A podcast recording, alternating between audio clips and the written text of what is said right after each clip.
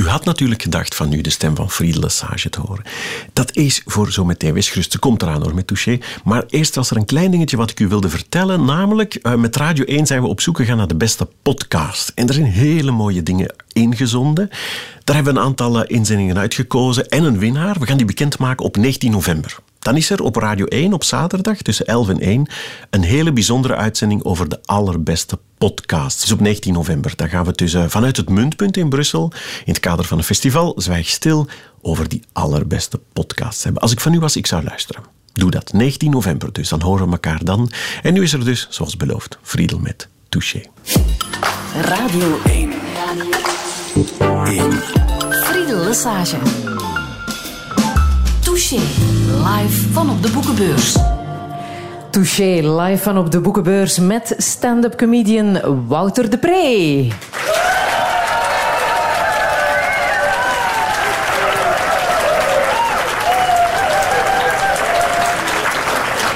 En niet alleen stand-up comedian, ook schrijver tegenwoordig van het boek Bloemen, bijen en borstbollen. De tekst die je uh, hebt geschreven voor de laatste voorstelling die je op dit moment aan het spelen bent omdat je zo graag eens wou signeren op de boekenbeurs, Wouter? Dat natuurlijk ook, maar omdat ik zoals vanochtend hier uh, graag met applaus wakker gemaakt wou worden. Dat is heerlijk. Ja. Morgen hier weer. even in Ja. de sofa wou komen zitten en je hebt je schoenen al uitgedaan. Ja, het, eh, het zit lekker eh, op die manier. En eh, ik weet dat we, dat we Ruben straks zullen horen zingen. En dat hoort er helemaal bij om mijn kleermakers zit. En dat hoort ook bij boekjes lezen, hè? Zoals Ja, je wel, dit ja. boekje hebt gemaakt. Een boekje met prachtige tekeningen trouwens, van Randal Kazar. Dat is jouw Mhm. Ja. dikke vriend, hè? Dit is mijn dikke vriend. En ik wou zeggen huistekenaar, maar hij tekent gelukkig ook nog in andere huizen. Maar we zijn vaste samenwerkers, ja. En het is ook niet jouw eerste boek. En nee, ik heb eh, drie vader-zoon boekjes gemaakt bij uitgeverij De Eenhoorn. Eh, die heeft, eh, daar heeft Randal ook tekeningen voor gemaakt. Die zijn gebundeld tegenwoordig, dus die kun je samen kopen. Ehm, en ehm, ja, er zijn ook nog, eh, eh, ik heb eh, ook nog verzamelde reportages die ik ooit voor de morgen heb gemaakt. En dat is wat ik heb uitgegeven, denk ik, ja. En dit boekje is nu echt het deel van het decor, mag ik wel zeggen, van jouw laatste voorstelling. Een voorleesvoorstelling. Het is ook echt een voorleesvoorstelling. Wat is daar het voordeel van? Ehm, ik heb deze teksten geschreven met David Sedaris in het achterhoofd. Dus een persoonlijk idool. Dus een Amerikaanse comedian, die, eh, Amerikaanse comedian schrijver die heel goed, die, eh, heel goed kan voorlezen. En ik wou ook een boek met teksten die ik kan voorlezen, maar die ook de moeite zijn om zo te lezen. En vaak moet je kiezen, een, een tekst die je speelt in een voorstelling moet veel meer klinken alsof het op het moment zelf bedacht is. En ehm, in, in een boekje kun je literairder werken en moet, moet de humor voortkomen uit de manier waarop het opgeschreven is en eh, verwerkt en bedacht is. En eh, ik wou een combinatie van beide. En dus ik lees nu in de voorstelling de helft van de tijd voor, maar het bloed kruipt toch waar het niet gaan kan. Dus tussenin vertel ik, eh, vertel ik toch, eh, begeleidt Ruben mij, vooral de gelezen teksten eigenlijk, begeleidt Ruben met muziek. En voor de rest vertel ik tussenin losse anekdotes en bedenkingen. En als er iets gebeurt in het publiek, dan kan dat er ook in. Dat doe je heel erg goed. Wouter, ik stel altijd de vraag hoe je jezelf zou omschrijven. Ja, be- bedoel je met een, een, een karaktereigenschap of een eh, zelfstandig even, naamwoord? hoe jij jezelf een- ziet. Ehm, een koppengaard, denk ik, eigenlijk onder alles. Eh, dat, Mhm. dat is hetgeen dat terugkomt, denk ik. Ben ik een keikop, eh, iemand die eh, zijn eigen zin eh, doet. Eh, en ik luister daarbij heel graag naar anderen en ik werk heel graag samen eh, met anderen. Ehm, maar ja, ik doe toch eh, meestal mijn eigen goesting. Ja, Mhm. een keikop. De Wouter Beke onder de komieken heb ik ook ergens gelezen. Klopt dat? Ja. Goh, ik heb het... eh, dat was eh, in, laat ons zeggen, de discussie met de minister Schouwvliegen. Die, ehm, ja, die mij op dat moment als, als verweer voorstelde als een ruilschopper of een... eh, iemand die het fijn vindt om elke week een minister af te branden. En dat vond ik heel grappig, omdat ik eh, onder collega's, komieken, eigenlijk eerder als eh, een brave wordt beschouwd, denk ik. Dus als de Wouter Beke onder de komieken, laat dat Ja. ons zo zeggen. Ja. Ook idealist? Activist? Ehm, nee, uh, in idealist zit het woordje ideaal en dat, uh, dat, uh, dat vind ik iets lastigs. Dus dat betekent dat je een, een soort eindbeeld hebt van de maatschappij en dat je chronisch ontevreden zult zijn tot het zover is. Dat is een, een probleem dat ik kan hebben met godsdienst, maar evengoed met uh, communisme bijvoorbeeld, uh, heilstaat-ideeën. Um, dus, dus daarin hou ik niet van, van uh, idealist. Ik ben wel een moralist in de zin van dat ik ideeën heb hoe we het beste zouden kunnen organiseren, maar ik ben niet chronisch ontevreden tot het zover is. Mm. En activist lijkt voor mij ook te hard op de waarheid verdraaien tot het wordt wat jij wilt, dat het, wat jij vindt dat het zou moeten zijn. En dat, ja, ik probeer toch altijd wel te zorgen dat het juist is wat ik zeg. Mm. Je bent ook een semi-professionele imker ondertussen. Moet ik er ook bij vertellen? Phew, ja, Niet ik, eh, onbelangrijk. Nee, ik ben een imker, maar alles behalve semi-professioneel. Wow, Ik maak veel, wow. uh, veel fouten, maar ik heb uh, een paar bijenkasten staan ondertussen. Als je een paar bijenkasten hebt staan en je weet wat je daarmee moet doen, ben je toch al redelijk semi-professioneel. denk ik. Ja, ja, maar er is geen, de imkerswereld is een uh, bijna exclusief mannelijke wereld. Het is gelukkig aan het veranderen ondertussen. Um, maar ja, dus het heeft ook die, laten we zeggen, die mannelijke neiging om over alles heel hard te discussiëren. Uh, op welke manier die bijen behandeld zouden moeten worden, als ze behandeld zouden moeten worden. Of je honing mag wegnemen, hoeveel honing je dan mag wegnemen, op welk moment die honing moet worden weggenomen. Of je de bijen moet laten zwermen, of je met afleggers uh, moet, uh, moet werken, dat soort dingen. En daar doe jij aan mee of net Aan die nerdy discussies, onze manier van imkeren, dus wij met een groepje dat op een bepaalde manier imkert, dat is waré imkeren. Um, en dat zou een korf zijn die het meeste lijkt op de natuurlijke omstandigheden waarop de honingbij zijn uh, kolonie maakt. En um, het is ook een, een, manier van imkeren waarbij je weinig of geen honing wegneemt. Dus nu zijn de bijen in wintertros aan het gaan, nu het voor het eerst koud wordt, zo laat op het jaar. Dus ze zijn heel lang uitgevlogen. Tot een paar dagen geleden kwamen ze met stuifmeel binnen uh, in de korf. Maar dus nu hebben we de winterbijtjes, die moeten overleven tot volgende lente. Tot uh, de eerste stuifmeeldragers uh, opnieuw verschijnen, de eerste wilgjes. En um, ja, nu klinkt, moeten ze hij klinkt eigenlijk... toch echt wel als een semi-professionele imker. Kijk, de mensen die, die knikken al. Maar dus nu moeten ze overleven en dus nu, is de, eh, nu, mag, nu mag je zeker geen honing weghalen. En nu moet uh, dus de discussie was of je in september nog honing mag weghalen en in plaats daarvan bijvoederen met suikerwater. Maar dat is ten opzichte van honing minderwaardig voedsel. Dus ik heb alvast niks weggehaald. nu, die voorstelling, uh, bloemen, bijen en borstbollen, breng je samen met een jong talent dat we allemaal moeten leren kennen. Hè? Mm-hmm. En dat ik hier ook zeer graag wil voorstellen tijdens deze live-uitzending van Touché in de Spiegeltent op de Boekenbeurs. Geef hem een zeer warm applaus. Ruben Fokketijn.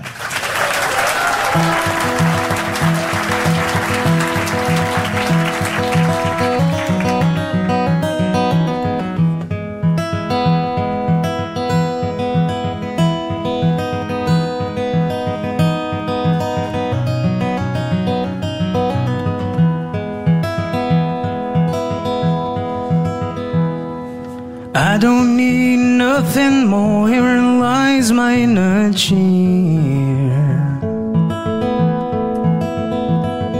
A humming so soft it sings a sparrow right asleep.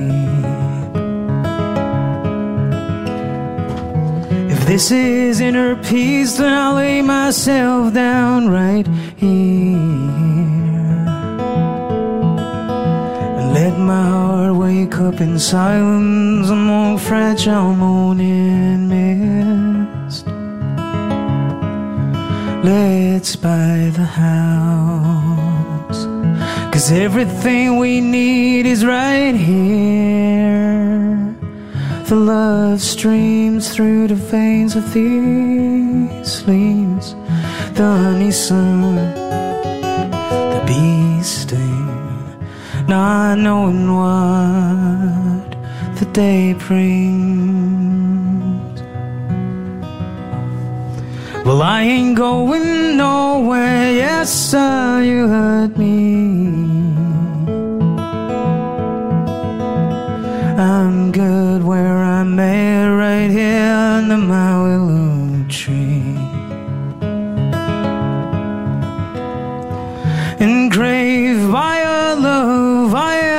Resting at its roots.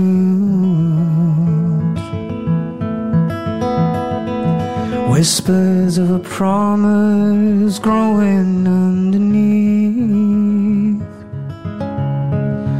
Let's buy the house. Cause everything we need is right here. The love streams through the veins of these leaves. The honey sun, the bee sting, not knowing what the day brings. Let's buy the house. Let's buy the house. Let's buy the Buy the house.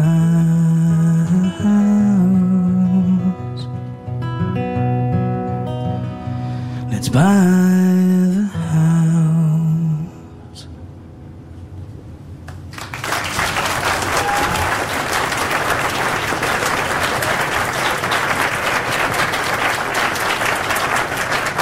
Ruben Fokketijn met Let's Buy the House. Een nummer dat ook te horen is in de voorstelling Bloemen, Bijen en Borstbollen.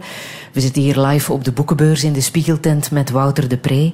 Wouter, afgelopen twee seizoenen zijn niet bepaald de seizoenen geweest waar je naar uitgekeken hebt. Hè? Ik wil met jou even terug naar die 21ste maart, toen de lente begon. Dat is de dag dat eh, mijn vrouw, Marianne, waarover ik vertel in de voorstelling, eh, de diagnose heeft gekregen dat ze borstkanker had. Dus dat het bolletje dat ze had laten onderzoeken en dat de biopsie had aangetoond dat het effectief een kwaadaardige borstkanker was. En dus dat ze, dit was het begin van een proces waarbij we zouden doorkrijgen dat ze geopereerd zou moeten worden, en dat ze toch chemo zou moeten krijgen, bestraling zou moeten krijgen. Dus dat zijn de afgelopen eh, maanden geweest en die zijn nog bezig ook. Ja. Mhm. En hoe was dat om dat nieuws binnen te krijgen? Het gaat in stukjes eigenlijk, dus dat eh, is een, een beetje een eh, glijbaan eigenlijk. Dus je krijgt. Ehm, ja, Marianne maakte er eerst grapjes over. Van, eh, als ze naar, naar het ziekenhuis moest, van ja, misschien kom ik wel terug met borstkanker. En daar waren we hartelijk, hartelijk om aan het lachen. Omdat we dachten dat ons dat wel niet zou overkomen. En eh, dat bleek dan toch zo te zijn. En dat. Ehm, ja, eh, hoe gaat Je krijgt het nieuws in, in stukjes en dat maakt het verteerbaarder. Dus als, je, als, als bij borstkanker de tumor wordt weggenomen, gebruiken ze een procedure waarbij ze kijken. Dus die kanker probeert zich uit te breiden, via, eh, eh, probeert zich te verspreiden via de lymfeklieren. En eh, ze opereren volgens een procedure waarbij ze de eerste lymfeklier na de tumor controleren, kijken of die aangetast is, maar dat weet je pas tijdens de operatie zelf. Als die aangetast is, dan moeten de rest van de lymfeklieren onder de oksel er ook uit. En ehm, ja, dan heb je ook een zwaardere nabehandeling. Ehm, dus dan, dan moet je ook zeker chemo hebben. En tot, tot voor de operatie zag het er naar uit dat het eigenlijk niet, niet nodig zou zijn. Dus plots was het een zwaarder verhaal. En plots was het ook voor Marianne wakker worden na de operatie. En gaandeweg doorkrijgen van dat, het, ja, dat het toch erger was dan we, dan we hadden gehoopt dat het was. Maar doordat het in stukjes komt, maakt dat, dat maakt het verteerbaarder. Of... ehm, dat, eh, dat is minder alsof er ineens met een hamer op je hoofd wordt geslagen. Het is alsof er eh, met veel kleinere hamers op je hoofd wordt geslagen. Een aantal keer na elkaar. Ja. Je was ondertussen aan het werk eh, voor een voorstelling rond de tuin. Dat verhaal komt binnen. Wist je meteen dat je die twee met elkaar zou vermengen op een podium? Oh, nee. dat je... Ja, nee, Want het nee. is een heel persoonlijk verhaal hè, dat Ja, je ja. staat te vertellen. Eh, ik had wat losse tekstjes daar rond liggen. Ik was eigenlijk aan een televisieprogramma aan het werken. En eh, dus dat, hebben, ja, dat heb ik onderbroken om, omdat dat meestal iets heel intensiefs is. En dat dat niet zou gaan samen met zorgen voor Marianne, zorgen voor de kinderen thuis. Ik had eh, teksten rond de tuin liggen. Waar, en ik had eh, met Ruben daar alles rond samengewerkt. Maar dat waren een soort eh, plezierteksten. Zo schrijven als er tijd over is. één onderwerp kiezen en, en kijken om daar heel verschillende dingen rond te maken.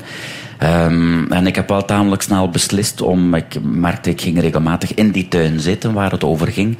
En dat die ook een andere betekenis krijgt, omdat die tuin is voor ons een gemeenschappelijk project. Of laten we zeggen, het was een project van Marianne, uh, waar ik dan uh, bij geholpen heb en gaandeweg verliefd op geworden ben. Wij zijn heel verschillende mensen. En um, dus dat is iets, ja, dat is een domein waarop we elkaar hebben gevonden en, en een passie delen ondertussen. Dus dat werd ook, als ik daarover aan het schrijven was, werd het ook het, het verhaal van, van een relatie, van onze relatie. En een beetje veranderd, omdat je voor een voorstelling dingen uit de haak trekt en uitvergroot en uh, lelijker of mooier maakt. Maar dus dat is wel ons, ja, hoe moet ik het zeggen, onze, onze tatami, ons strijdveld en, en ook de plek waar we, waar we elkaar vinden, waar we samen de tango dansen. Ja. Mm. Hoe gaat het nu met Marianne? Het gaat goed. Ze zit nu een eindje ver in de bestraling. Ze is ondertussen uh, al flink gerecupereerd van de chemo. Die is nu zes weken geleden, denk ik. Dus een lichaam herstelt zich ook, uh, herstelt zich ook wel snel. Ze begint uh, een beetje haar te krijgen terug. En ja, ze, heeft zich die hele periode heel, heel sterk gehouden. Ze doet de laatste tijd heel veel yoga. Dat is aan touwen in onze slaapkamer. Ik krijg daar heel veel vragen over. Waarom er touwen hangen in onze slaapkamer? Ik heb er tot op heden nog niet mogen van profiteren. Maar dus doet daar een vorm van yoga in. Iyengar yoga uh, heet dat. Dus ik kom regelmatig de slaapkamer binnen en dan hangt zij ondersteboven aan, uh, uh, aan, aan die touwen. Is een soort kopstand aan het doen. En waar is dat goed voor? Um, vooral om... De, ik denk dat... Ik weet weinig hè, van yoga, maar ik denk dat de oorspronkelijke bedoeling was.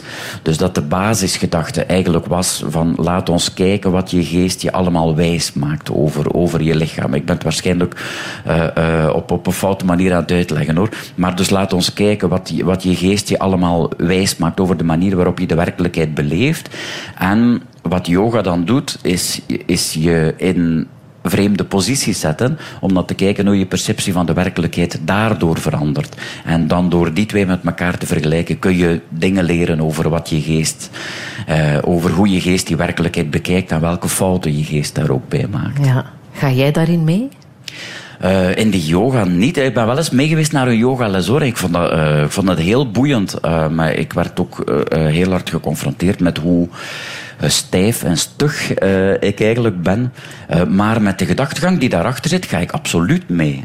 met, met de gedachte dat de manier waarop je naar de werkelijkheid kijkt, dat die enorm veel bepaalt. En dat je daarbij uh, dat je je daarbij maar tot op bepaalde hoogte door gevoelens moet laten leiden, daar ga ik absoluut in mee. Dus dat, is, mm. dat, dat is iets dat we heel hard delen, zonder het daar, daarom vaak over te hebben hoor.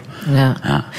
De chemo is voorbij, maar er is ook de hormonentherapie. Hè? Dat zijn -hmm. heel veel pillen en jarenlang elke maand een spuit. Daar twijfelt ze over. Ja. Nog altijd? Uh, ja, dat zal ook blijven, denk ik. Als je, mm -hmm. ik. Ik heb daar weinig over opgezocht, maar van de mensen die ik daarover heb, geho uh, heb gehoord, is dat blijft tot een, een afweging. Uh, dat doet veel, dus je krijgt dat als, het, als je een hormoongebonden tumor had. En uh, die pilletjes die nemen eigenlijk de receptoren van, uh, die aan de kankercelletjes hangen, die benemen die, zodat daar geen oestrogeen meer kan aan hechten, dus de voeding van de tumor. En de injecties zorgen dat je geen oestrogeen meer produceert. Dus dat heeft een, een grote invloed op je gevoelsleven, op je libido. Het veroudert je lichaam, dus het heeft een grote, het heeft een grote impact op je lichaam. -hmm. Uh, maar terzelfde tijd verlaagt het de kans enorm dat je, dat je hervalt, dat je opnieuw een, een borstkanker zou krijgen op dezelfde plaats of op een andere plaats. Dus dat is een, een lastige afweging. Dus de geneeskunde heeft daar een grote sprong vooruit in gemaakt. Maar de prijs die je daarvoor betaalt is ook hoog. Dus ik begrijp haar, ik begrijp haar twijfel daarover ook heel hard. Mm -hmm. Ik denk dat het nu een moeilijke periode is om, om in te schatten wat de neveneffecten allemaal zijn, omdat er nog, um, omdat er nog effecten zijn van, van de chemotherapie die nog, niet, die nog niet voorbij zijn. Omdat je bij radiotherapie heb je ook een grotere vermoeidheid, kun je ook een soort bloedarmoede hebben, geloof ik. Dus het is heel moeilijk om in te schatten welke lichamelijke effecten nu komen van die pilletjes of die injecties en wat er komt van, van de radio en de chemo nog. Welke keuze zou jij maken? Phew, dat vind ik ongelooflijk moeilijk om te, uh -huh. om te maken. Ik vind het zo persoonlijk. Uh, wij zijn daarin ook heel verschillende mensen. Voor, voor Marianne is haar, uh, is haar... Zij is iemand die, die een heel groot en rijk gevoelsleven heeft. Eh, dus daarin begrijp ik haar twijfel heel hard, omdat die pilletjes daar, daar zoveel in, in beïnvloeden. Ehm, maar ik vind dat verschrikkelijk moeilijk om af te wegen, omdat je niet weet waarmee je, waarmee je vergelijkt. Dus dat is naast het grote voordeel dat de kans op herval daarmee verkleint, is een lastig neveneffect daarvan, is dat je ook een beetje God aan het spelen bent voor, voor je eigen lichaam. En dat de verantwoordelijkheid voor die keuze bij jezelf komt te liggen. Mhm.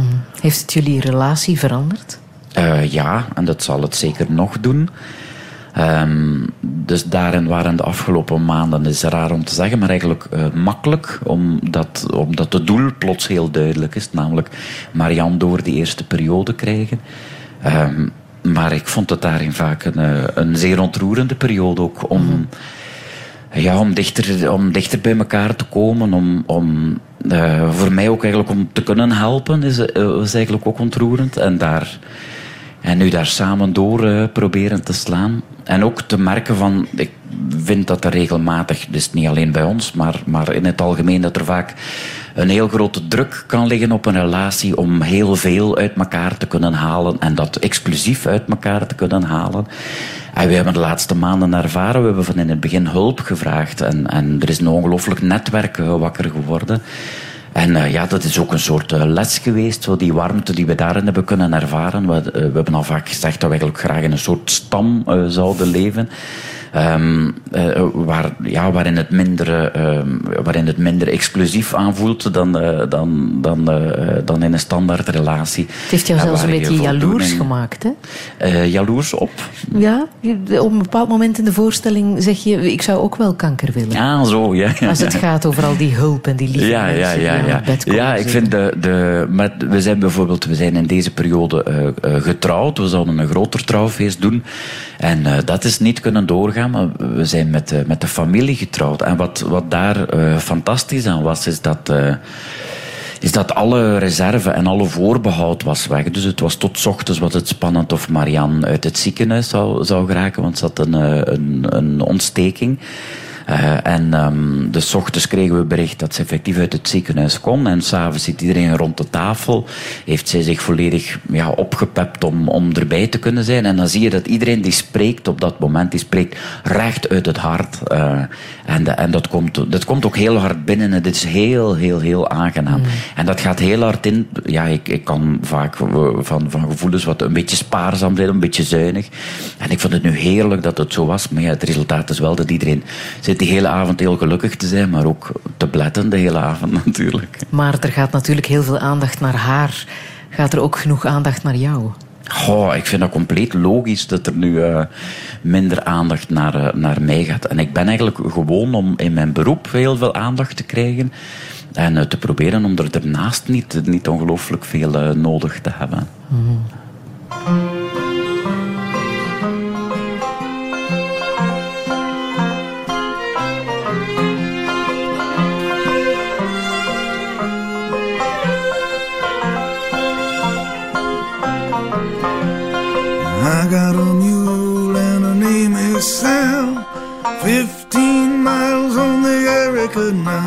She's a good old worker and a good old pal. Fifteen miles on the Erica now. We hauled some barges in our day, filled with lumber, coal, and hay. We know every inch of the way from Albany to Buffalo.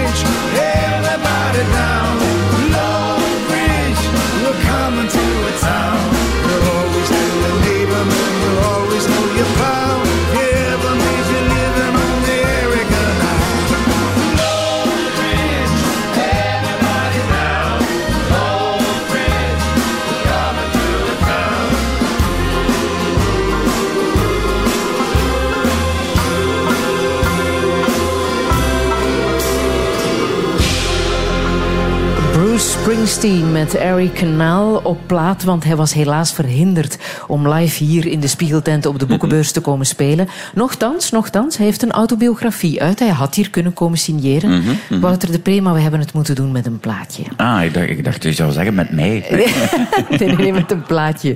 Eh, maar jij had hem er wel eh, bij gewild. Ja, ik, zeker. hè? Ik wil zijn autobiografie zeker ook lezen. We, ehm, Born to Run heet Ja, die. ik ben eh, een paar maanden geleden gaan kijken naar een optreden van hem in, eh, in Den Haag. En dat was fantastisch. Ja, echt. En je wou dit ook echt laten horen, hè? Waarom? Ja, eh, eh, door, voor de melancholie die erin zit. En hij kan die zo ongelooflijk goed en zo krachtig vertolken. En hij is een van de weinigen die dat kan. En ook, ik weet niet hoe hij het doet, maar hij slaagt erin om, om mij altijd te doen geloven dat hij zelf eh, ja, dat hij muziek speelt na, na zijn dayshift eh aan, aan, de, aan de band in de autofabriek. Eh, terwijl hij ondertussen natuurlijk multi, multimiljonair is. En ja, dat kan hij zo ongelooflijk goed. En dit is een nostalgisch nummer over een, over een kanaal dat van Albany naar Buffalo ehm, eh, is gegraven. En hij heeft het nog nostalgischer gemaakt door, ik heb de oorspronkelijke versie nog eens beluisterd. Het was een nummer uit de musical van 100 jaar geleden.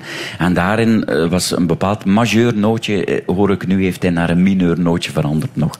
En dan die melancholie en dan met die band die er dan bij komt en die banjo die ervoor zat. Is, oh ja, prachtig. Is het ook dat, het idee van de eenvoudige werkmens, dat jou daarin triggert? Die, Ja, die ik eenvoudige moet- afkomst? Ja, maar ik moet heel hard lachen met, eh, met, eh, dus, eh, met de serieus waarmee je dat doet. En ik, ik denk dat ik dat zelf niet durf om dat, om dat zo te doen. Terwijl het wel een, dat ik zeer, het een zeer aantrekkelijk basisidee en basisgevoel vind. Ehm, maar hij slaagt er mij altijd in om, in zijn nummers is de oogst is altijd mislukt. Dit nummer gaat eigenlijk over de tijd dat er nog met, dat, ja, dat je de, de sleepboten eh, langs dat kanaal trok. En ehm, het nummer is gemaakt in de tijd van de stoommachines. Dus op het moment dat de, dat de grote schepen eigenlijk die, eh, ja, die soort van vervoer, eh, dat soort van vervoer hebben van de kaart gevaagd. En het is nostalgie naar die tijd, waarin mensen met elkaar praten. En ik moet met dat, dat soort nostalgie, ik heb dat zelf heel hard, maar ik moet er ook heel hard om lachen. om, omdat ik weet dat het nergens op slaat. De wereld was vroeger helemaal niet beter. Maar het is wel heel fijn om af en toe daar over te zuchten. Ja. Maar het is wel iets waar jij in je voorstellingen wel vaak naar teruggrijpt. Hè? Naar, naar jouw roots, naar, naar de oorlog, waar je ook een voorstelling over gemaakt hebt. Mhm, die zich afspeelt eh, in de streek waar jij geboren en getogen mhm. bent. Geluwe, en daar kom je vandaan. Helwe, Mhm, zeggen de West-Vlamingen. Ik wil mijn afkomst alleen eh, gebruiken in de zin eh, dat het. ehm, wacht hoor, hoe moet ik nu zeggen? Waarom ik die voorstelling over de oorlog heb gemaakt, is omdat ik maar door de jaren heb doorgekregen eh, wat voor betekenis die oorlog voor de streek heeft gehad, om te beginnen, maar eigenlijk voor Europa in het algemeen. En eh, ons dorpje was, eh, Geluwe, was het laatste dorpje dat door de Duitsers bezet was. Het is maar door te lezen over de geschiedenis van ons dorp dat ik begreep hoe ongelooflijk ingrijpend dat is geweest. Maar ook door verhalen te horen van, van mijn ouders die vlak voor de Tweede Wereldoorlog zijn geboren. Van de eerste herinneringen van mijn vader zijn, zijn ja, vrouwen die uit een huis worden getrokken en waarvan, waarvan het haar wordt eh, afgeschoren. En ehm, ik vind nog een zeer boeiende periode, de periode vlak na de Tweede Wereldoorlog, waarin je eigenlijk met een maatschappij die volledig aan flarden ligt, waarbij je denkt, hoe, hoe gaan we het nu opnieuw aanpakken? Nu, nu alles plat ligt, hoe, hoe gaan we het beginnen eh, opbouwen? Of wat voor sociaal systeem gaan we ontwikkelen? Uh, de gedachte dat je van daaruit een sociale zekerheid ontwikkelt. Uh, dat, dat je de zuilen krijgt met de goede dingen die zuilen kunnen doen. De volksopvoeding die daar, die daar ook kan, kan inzitten. Dus dat vind ik ook ja, een zeer boeiende periode. Hoe, hoe organiseer je je samenleving? En daarover praat jij dan op een podium, probeert dat te analyseren, terwijl je ouders daar niet over praten. Hè? Het was zwijgen en voortdoen. Uh, ja, ja, dat is waar. Ja, Um, het is een soort uh, overlevingsstrategie hè, die in onze streek heel veel voorkomt, maar die in andere. Ik denk dat dat met plattelandstreken te maken heeft vaak. Ook, ook met eenvoudige komaf. Maar er werd, niet, er werd niet veel over gevoelens gepraat. Maar mijn moeder bijvoorbeeld heeft wel een groot uh, analytisch vermogen, dus die kan dingen wel goed onder woorden brengen. Um, maar je moest wel zelf met het onderwerp afkomen. Of als er iets op je maag lag, dan kon je daarover komen praten. Maar ja, je moest er wel zelf mee afkomen dat, dat, dat was wel de bedoeling, ja. Hoe was dat bij jullie thuis aan de keukentafel ten huize de Pre? Ja, we zijn met vier, vier jongens, vier zonen, met een groot leeftijdsverschil. Um, dus weinig vrouwelijke aanwezigheid. Heb je dat, dat hebben we Ja, natuurlijk. Och, ja? ja? Ik zou nu... Uh, als mijn ouders nu uh, zouden zeggen dat ze nog een zus willen adopteren, dan zou ik dat een fantastisch idee vinden. ja. Um, maar er ja, was dus veel testosteron ten huize? Nee, nee, nee. We zijn allemaal uh, eigenlijk heel uh, rustige mannen, maar er was veel uh, analyse en logica ten, ten huize de pre. Dus ik denk dat we een beetje. Dat? Van mijn moeder, denk ik, hebben we dat. Ja, ze heeft eigenlijk een, een, wiskundige inslag. En ze heeft daar, ja, ze is eigenlijk niet lang naar school mogen, mogen gaan. Ze moest naar de naaischool en tot haar zestien. En dan is ze dienstmeid geworden en dan in de fabriek in Frankrijk gaan werken, net over de de grenzen, de textielfabrieken. En dan later uh, bijgeschoold tot de bejaardenhelpster. Dus heeft eigenlijk altijd zeer empathische beroepen uh, gedaan. Maar ik denk, als ze toen had mogen verder studeren, dan had ze wiskunde gestudeerd, denk ik. Ja. En wat is er van de andere jongens de pre geworden? Die hebben allemaal wiskunde gestudeerd. Echt? Uh, ja, nee, ik heb twee broers die wiskunde hebben gestudeerd. En één broer die Romaans heeft gestudeerd, maar die zegt dat zij opnieuw zou studeren en dat hij ook richting wetenschappen zou gaan.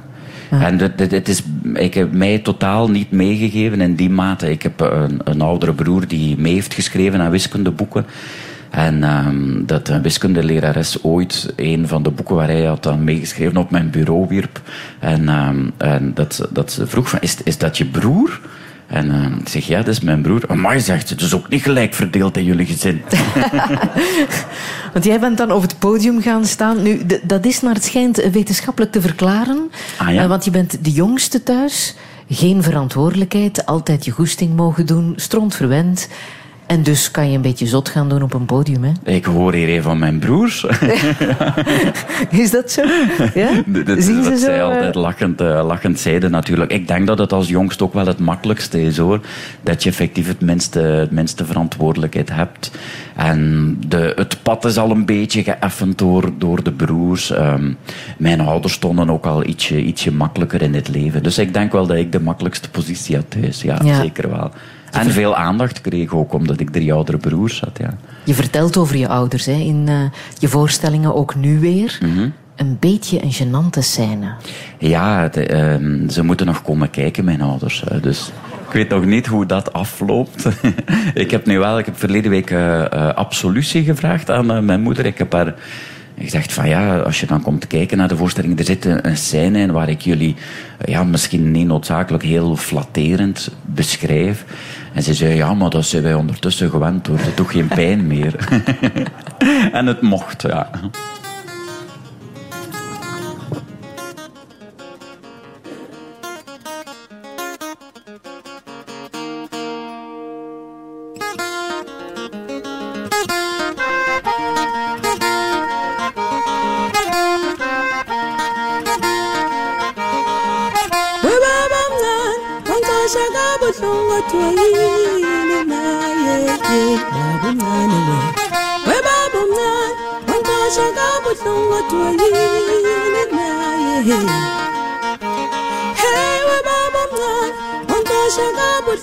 twanyina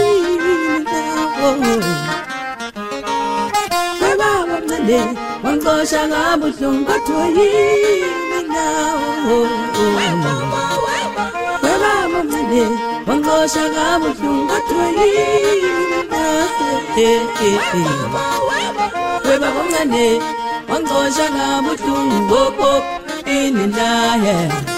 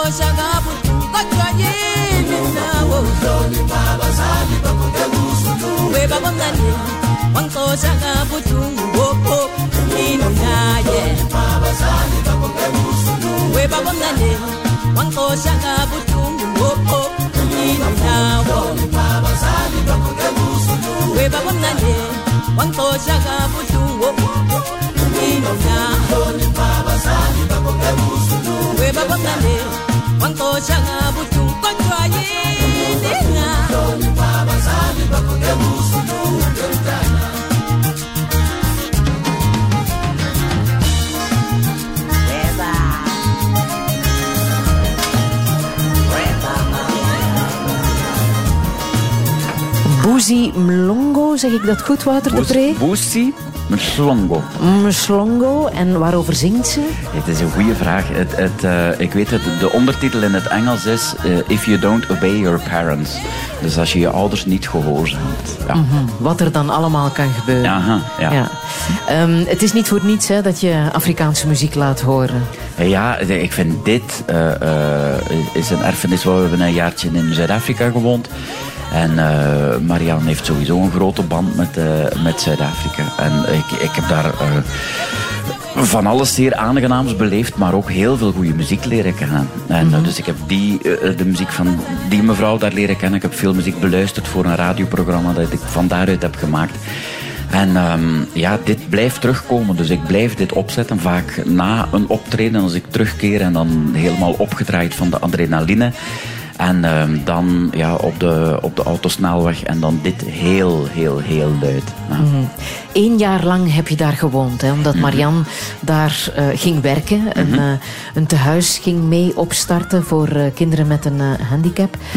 Een jaar lang in Zuid-Afrika wonen. Hoe kijk je daar nu op terug? Wel, ehm, het, het, het steekt de laatste tijd weer heel hard de kop op. Dus ik heb een tijd lang daar eh, minder aan gedacht. Hoewel ik het land heel, heel hard mis. En eh, de, eh, de levensvreugde, de natuur, eh, vrienden ook vandaar. Ehm, hoe het leven minder eh, ingekapseld is dan eh, hier. En we hadden gisteren toevallig een, een braai, dus een Zuid-Afrikaanse barbecue, eh, van Zuid-Afrikaanse gemeenschap hier, hier in België. En dan merkte ik ook van hoe, ja, hoe hard ik het eigenlijk mis. En dat had ik nooit verwacht, dat ik dat zo hard zou missen. Ik dacht dat ik voornamelijk België daar heel hard zou missen.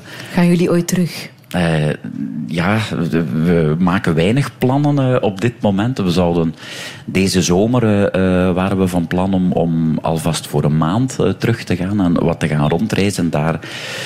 Ik, ik denk dat het er ooit nog wel van komt dat we er, dat we er opnieuw belanden. Marianne gaat vaker. Ik ga, ik ga niet vaak omdat ik, het, omdat ik vind dat, dat ik het ecologisch gezien niet kan maken om vaak grote, grote vliegreizen te maken. Dus dat is ook een afweging die bij mij ook speelt. Ja. En je volgt allicht, als je daar gewoond hebt, het nieuws uit Zuid-Afrika op een andere manier. Hè? Ja, ze, ze hebben een, een fantastisch goede krant daar, de Mail and Guardian. Eh, en dat, dat is een voorbeeldkrant op het moment dat hier eh, persvrijheid eh, eh, wat onder vuur ligt. Eh, dat is een, krant met eh, uitstekende journalisten, een weekkrant, die zich, en die graven zich voortdurend eh, in als onderzoeksjournalisten in, in dossiers. En, ehm, dus ja, het is de beste krant om, eh, eh, om, om het nieuws uit Zuid-Afrika te volgen. Ja. En heel af en toe zit er ook iets in het radionieuws, zoals uh, afgelopen week, wil ik even laten horen.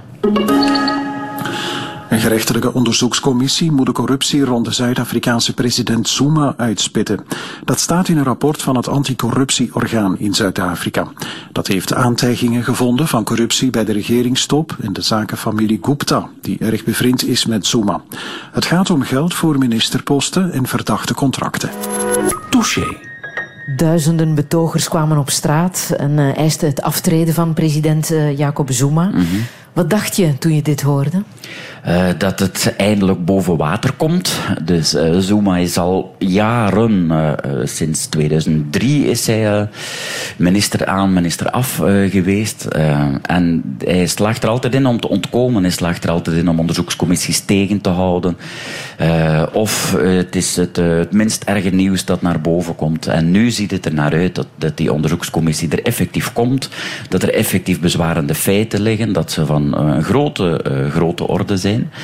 Um, en, maar hij is absoluut nog niet verloren hoor. Hij heeft, uh, dus, hij heeft de National Election Committee moet eigenlijk beslissen om, om, om hem af te zetten. Maar daarvoor moeten vijf van de negen provincies moeten eigenlijk uh, moeten, moeten vinden dat dat gebeurt. En heeft nog, tot nu toe heeft hij maar één provincie tegen hem. Dat is wel de economisch belangrijkste provincie, de Gauteng-provincie. Wat er nu nieuw is, is tot nu toe waren vooral de intellectuelen tegen Zuma. En nu komt het volk ook op straat. Um, en het volk in Zuid-Afrika kan wel uh, een en ander mobiliseren. Dat hebben we de afgelopen decennia bewezen. Nochtans, hij is zijn carrière zowat als held begonnen. Hè? Ja, hij, was een, uh, hij is op zijn 17 denk ik bij het ANC gegaan. Het is een From Zero to Hero uh, verhaal. Hij heeft de gewapende tak van het ANC geleid. Hij heeft tien jaar vastgezeten op Robben Island samen met, met Nelson Mandela. En um, ja, het was een, een, schoolvoorbeeld van iemand die, die zonder uh, grote scholing een, een enorm strategisch politicus was. Ik denk dat de intellectuelen altijd de fout hebben gemaakt om hem te onderschatten, om hem te pakken op zijn gebrek aan scholing. Maar het is een ongelooflijke politieke strateeg. Dat is hij nu ook weer aan het bewijzen. Uh, helaas ten kwade, maar ik, ik hoop dat, dat, wat ik hoop dat er zou kunnen gebeuren wat heel goed zou zijn voor Zuid-Afrika. Het ANC haalt nog altijd 55, 56 procent van de stemmen. En dat al uh, uh, sinds 1994. Uh, dat daalt gestaag. Maar ik denk dat het voor een partij heel slecht is om zo'n hoog stemmenaantal te halen. Dat je automatisch corrupt wordt en verslaafd aan de macht. Het zou heel goed zijn als het ANC in twee gelijke stukken die elkaar waard zijn zouden opbreken. En, en eigenlijk verplicht zouden zijn om een kwalitatief gevecht te houden. Om de erfenis van, uh, van, van de struggle, van, van de bevrijdingsstrijd tegen, tegen apartheid, om die waardig te, te vertegenwoordigen. En dan zou je coalitie kunnen krijgen tussen Democratic Alliance, wat een zeer goede partij is, uh, en in opmars en, en de beste vleugel van het opgesplitste ANC. Het is een schrijnend presidentsverhaal dat uh, helemaal ondergesneeuwd is geraakt door de Amerikaanse presidentsverkiezingen ah, ja, op tuurlijk, dit moment. Ja. Ja. Uh, voel je dat ook, dat al die aandacht naar Amerika gaat en dat een land als Zuid-Afrika dan maar het onderspit moet delven, hoewel ja. dat verhaal toch wel heel ernstig is. Ja, Zuid-Afrika krijgt nog uh, naar Afrikaanse normen relatief veel aandacht. Is hoewel het bergaf gaat, nog steeds een, een Afrikaans succesverhaal. Maar er zitten wel gelijkenissen in hoor. Een, een van de grootste uitdagers van, uh, van Zuma is Julius Malema. Die is uit de ANC Youth League is die, die is in onmin geraakt met, met Zuma. Maar is volledig hetzelfde soort politicus, alleen erger. Um, en die heeft de Economic Freedom Fighters uh, opge, opgericht. En wat nu opviel gisteren, uh, dus zij beweren de gewone man te vertegenwoordigen. Uh, maar ze doen dat met merkleren aan en een rode Che Guevara baret op. Um, en um, ja, wat er opvalt bij, bij de jonge mensen gisteren op de braai, bij de jonge Zuid-Afrikanen, is dat die zich heel hard kunnen vinden in, in de woede en de verontwaardiging die die Economic Freedom Fighters uh, zitten op te poken. Uh, maar dat er heel weinig bekommernis is rond kwalitatief bestuur of uh, wat er zou gebeuren als dat soort figuur aan de macht zou komen. En dat lijkt toch heel hard op, uh, op Trump, vind ik. Dus het is een type politicus dat je over de hele wereld terugvindt. Dus de lessen die we uit Amerika kunnen trekken gelden even goed voor, uh, voor Zuid-Afrika en voor Europa op dit moment. Ja. Wat denk jij bij Trump als je hem bezig ziet? Um, er is een deel van mij dat hem graag bezig ziet, namelijk het deel van mij dat graag spektakel ziet. Ik kan genieten van de onbeschaamdheid um, waarmee hij spreekt, maar daar zit hetzelfde. Ik kan dat ook hebben bij uh, bijvoorbeeld bij mensen die in de psychiatrie zitten. Uh, uh, er, is een, er is een deel van mij dat, dat niet gelooft dat, dat dat echt is. Dus ik, dus ik geniet van het spektakel. Maar het is lastig wakker worden als je doorkrijgt, ja, maar die persoon moet daarmee leven. Dat is voor de rest van zijn leven. Bij een psychiatrisch patiënt en bij Trump, van ja, maar dat is effectief hoe die naar de dingen kijkt. Dus het, het is voor mij zo onwaarschijnlijk dat je zo in het leven kunt staan en zo, zo een volk zou willen leiden. Um, dat, het, dat ik mijzelf ook tot orde moet roepen en ook met denken van het is niet omdat hij show geeft. Gewoon, ik, ik hoop van harte dat Clinton het haalt natuurlijk, maar ik hoop dat democratie in Amerika hier lessen uit leert. Hè, want Clinton is ook uh, serieus bevlekt. Hè. We, uh, er zal gestemd worden voor de minst erge van de twee en dat op zich is zo triest, zo ongelooflijk triest. Hier zit een Sokker, hè? Of toch een gedeelde Sokker? Of hoe ja, moet ik dat zeggen? Ja, een niet afgestudeerde Een niet afgestudeerde, ja. Ik heb mijn kandidatuur in Sok gedaan en daar met veel moeite doorgesukkeld. Zelden naar de les geweest. Ik was een verschrikkelijke student. Ik hoop dat mijn kinderen een betere studenten zijn. Geïnteresseerdere studenten zijn dan, uh, dan ik was. En dan ben ik in de licenties ben ik cultuurwetenschappen gaan doen. En dat interesseerde mij wel, ja. ja en het resultaat zit hier. Voilà. voilà.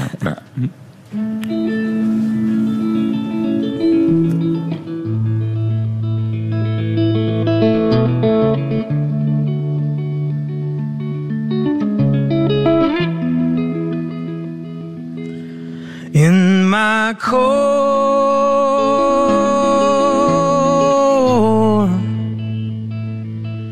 I am a mortal, just passing time,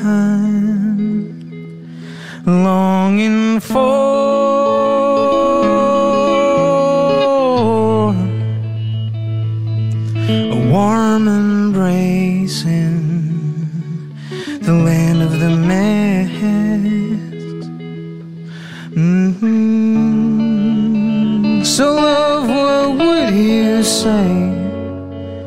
Why don't we settle down and call it a day? We're nothing more than skin and bones, and life's way too short to go through it alone.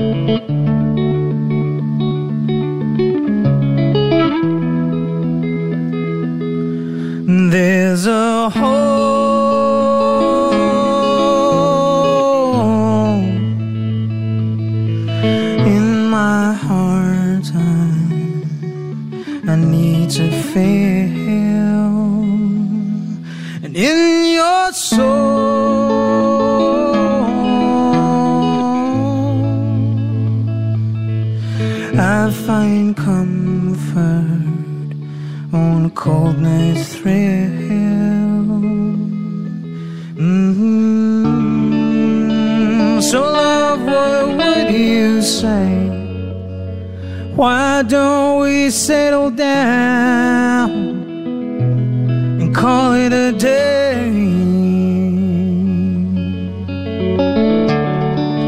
We're nothing more than skin and bones, and life's way too short to go through it.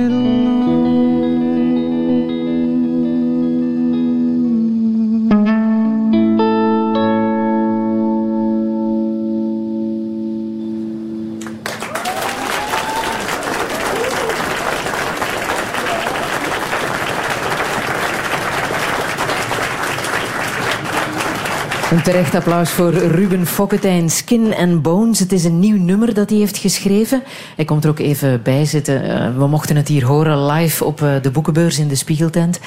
Ruben, wat fantastisch. Um, je hebt twee dagen geleden een belangrijke beslissing genomen. Hè? Ja, inderdaad. Uh, ik heb uh, op mijn 16 ooit beslist uh, dat ik als Nevada Fellow muziek ging maken.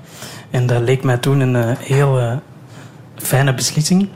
En ik heb er heel hard van genoten. En dat was vooral omdat ik wou bewijzen, weet ik nu, uh, ik, is een soort van verschuiling geweest. Ik wou bewijzen dat ik... Ik wou niet dat mensen zeiden dat het door mijn vader kwam. Eh, de vader is altijd zo... Hè?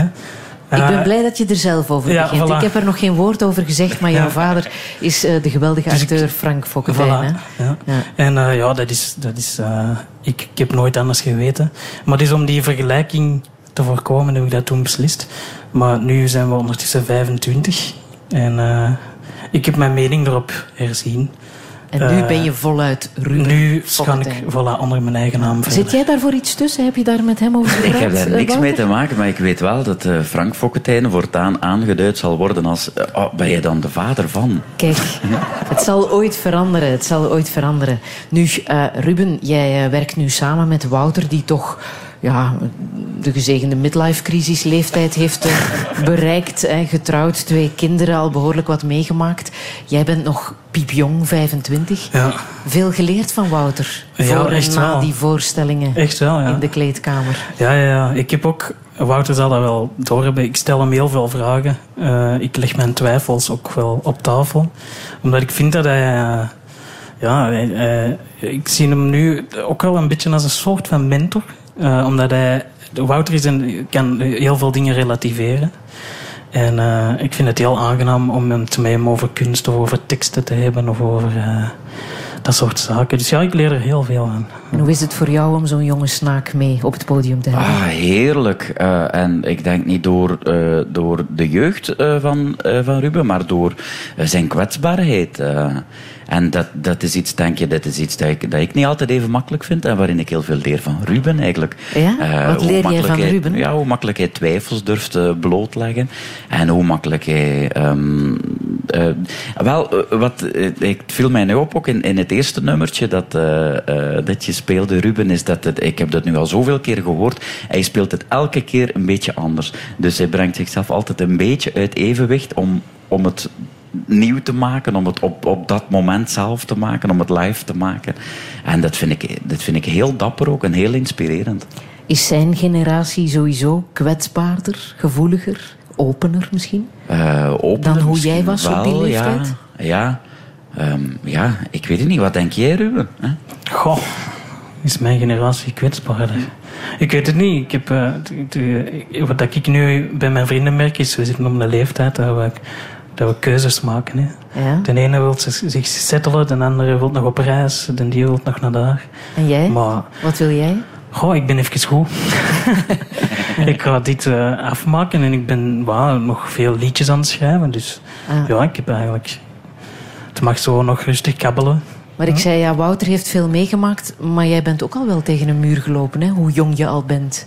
Goh, ja, in welke zin? Uh, ja, zo'n crisisje, dat, dat heb jij ook al wel doorgemaakt. Ik heb, ja, ja, ja. Maar ik, goh, ik heb een paar dingen al mee... Allee, ik heb gehoorschade ook bijvoorbeeld. Dat was ook al... Ik ben daardoor heel veel yoga beginnen doen. Ja. En uh, meditatie. En ik, die meditatie heeft er ook voor gezorgd dat ik uh, een bredere kijk heb op de dingen. Dus ik denk dat dat er ook mee te maken heeft. Ja. Met het, het... Zo onder een Engelstalige naam gaan spelen, dat is voor mij niet meer genoeg om te kunnen doen wat ik eigenlijk wil doen. Dus ik merk dat, er, dat het breder aan het worden is. Dat vind ik heel fijn. Speel jij eigenlijk muziek, Wouter?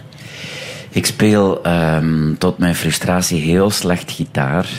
En, uh, maar ik merk ook als ik muziek speel, want ik wil het wel heel graag weer doen, dan komen daar een soort uh, verhaaltjes uh, op muziek uit. Dus dat is toch meer. Ik had vroeger thuis een krokettenmachine. En daar kon je, dus daar moest je aan de ene kant puree in, in, in steken en dan aan de andere kant, afhankelijk van hoe, van hoe groot de openingen waren die je, die je erop stak, dan het je Uh, dan dat je grotere of kleinere kroketjes. En ja, dat is bij mij nogal bepaald wat daaruit komt. Het is eigenlijk altijd hetzelfde in een beetje een andere vorm. Ja. Um, ik vraag ook altijd naar, naar favoriete films hè, in Touché. En je hebt een, een, een, muziekdocumentaire gekozen waar ik ondertussen ook wel even de muziek wil van laten horen. Wat moeten we erover heten, uh, weten? Ze heet Lacho Drom? Lacho Drom, het is de, uh, eigenlijk de, de tocht van de zigeuners vanuit Rajasthan. Dus een van de theorieën dat zigeuners uit Rajasthan zouden afkomstig zijn en zo helemaal naar boven tot, tot een eindpunt in Spanje. En ook de verschillende variaties die de muziek heeft ondergaan tot, uh, tot, tot het eindpunt in de flamenco. Ja, zullen we eens luisteren?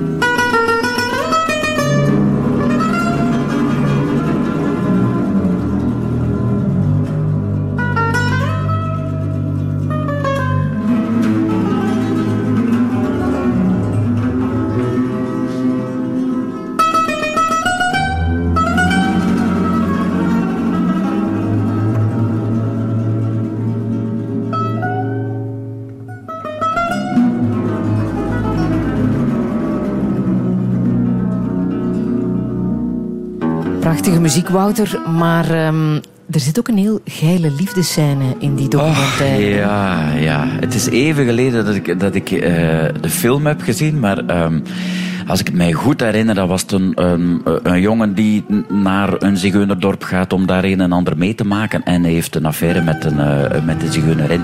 En uh, in die liefdescène zijn ze elkaar eigenlijk voortdurend aan het uitmaken. En ja, scheldwoorden naar elkaar, elkaar zo vulgair mogelijk aan het omschrijven. Terwijl ze aan het vrijen zijn. En het zal een verlangen zijn dat misschien ooit in de touwen in de slaapkamer. ja, zo komt alles samen. Ja, ja, ja. Zometeen praten wij verder, uh, Wouter de Pre. En er is natuurlijk ook nog meer, meer muziek van uh, Ruben Fokketijn live van op de boekenbeurs in uh, Antwerpen in de Spiegeltent. Radio 1. Radio 1. Friedel. Touché. Live van op de boekenbeurs. Met als gast stand-up comedian Wouter de Pre. Hij schreef een boekje, Bloemen, Bijen en Borstbollen. Het belangrijkste decorstuk uit zijn gelijknamige voorleesvoorstelling. Over zijn liefde voor de tuin vlakbij Gent, over zijn bijberoep als imker en over de huiselijke strijd die kanker heet. Zijn muzikale podiumvriend en stille getuige is er ook bij. Uw applaus voor Ruben Fokketijn.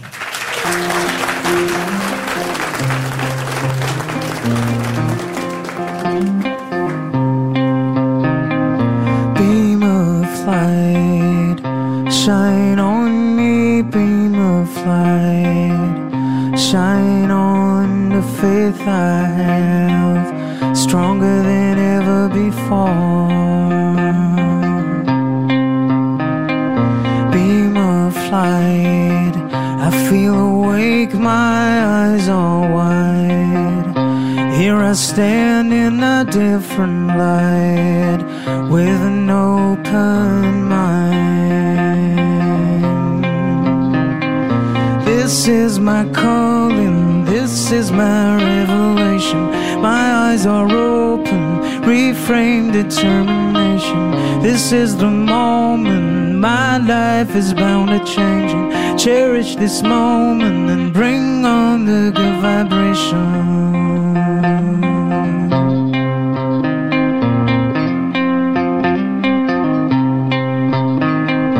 Beam of light I feel the sun burning my skin, and she's telling me to let love in. This is where it begins. This is my calling, this is my revelation. My eyes are open, reframe determination. This is the moment my life is bound to change and Cherish this moment. Bring on, bring on, bring on the good vibration.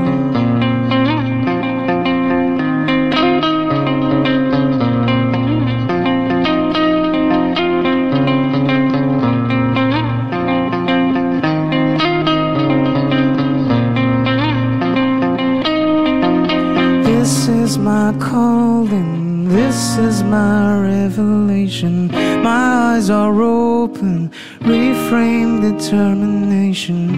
This is the moment. My life is bound to changing. Cherish this moment and bring on, bring on the good vibration.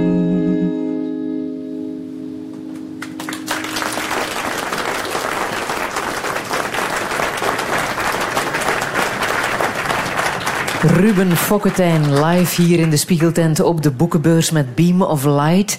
Zo uh, debuteerde hij met uh, Nevada Fellow.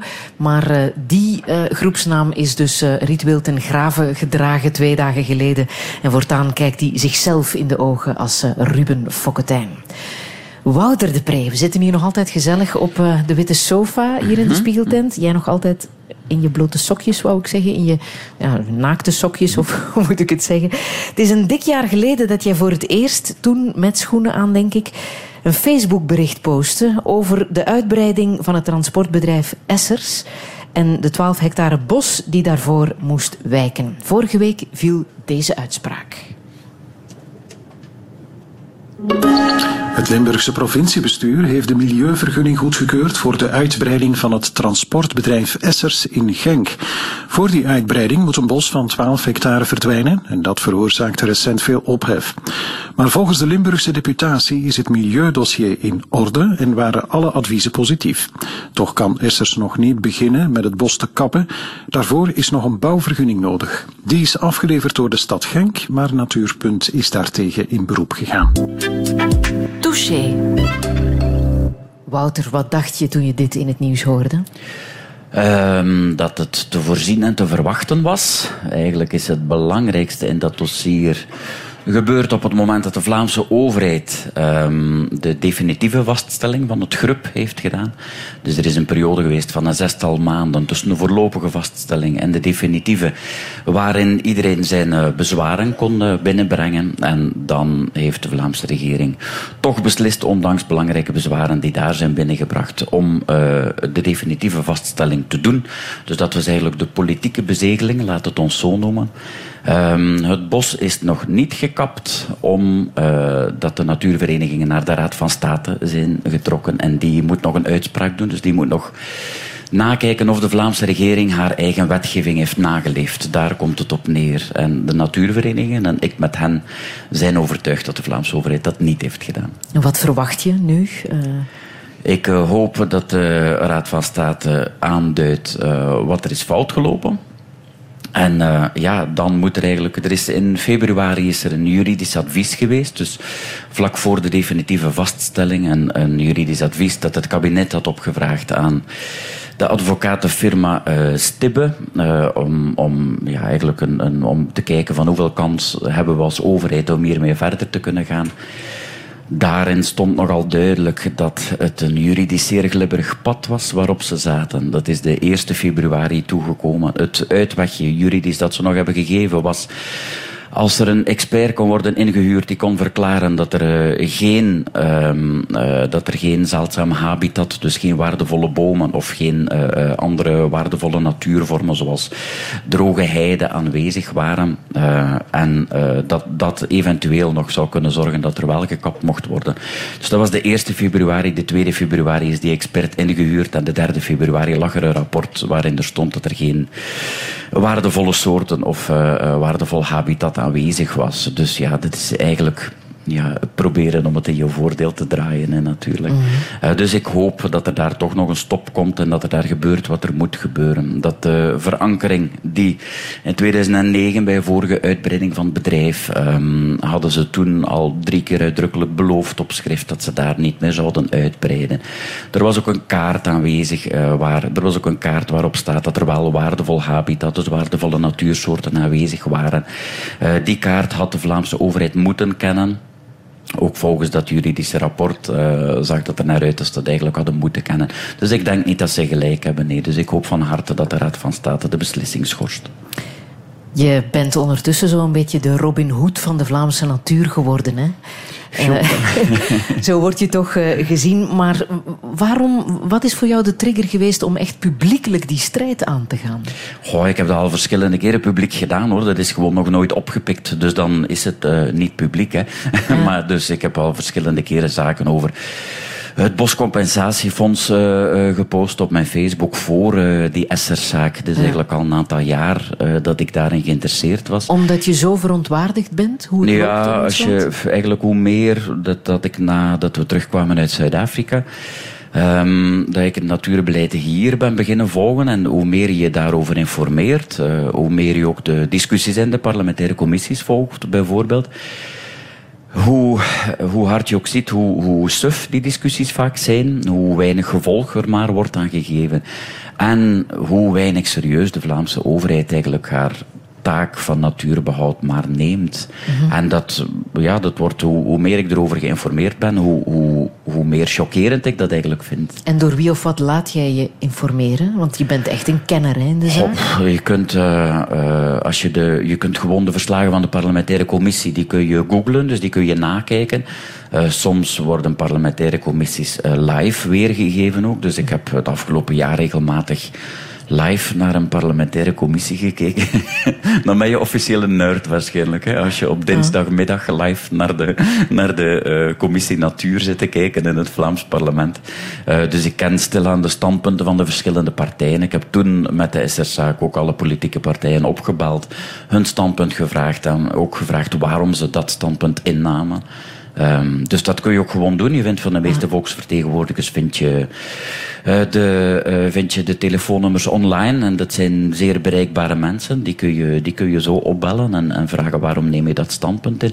En dat hoort ook zo, vind ik. Het zijn volksvertegenwoordigers daarvoor. Hè. Ja, en krijg je dan redelijke reacties? Nemen ze jou au serieus? Um, dat, ik weet niet of ze mij au serieus nemen, maar redelijke reacties krijg je zeker. Ja, dat. Is, je kunt op, op, uh, eigenlijk op hoog niveau spreken met, uh, met parlementairen. Ja. En als je ook zegt dat je sommige dingen niet weet, dan leggen ze die ook heel geduldig uit. Ja. Ja. En dan zit jij ineens als verzetstrijder in de studio van Ter Zaken een bos te verdedigen. Hoe was dat?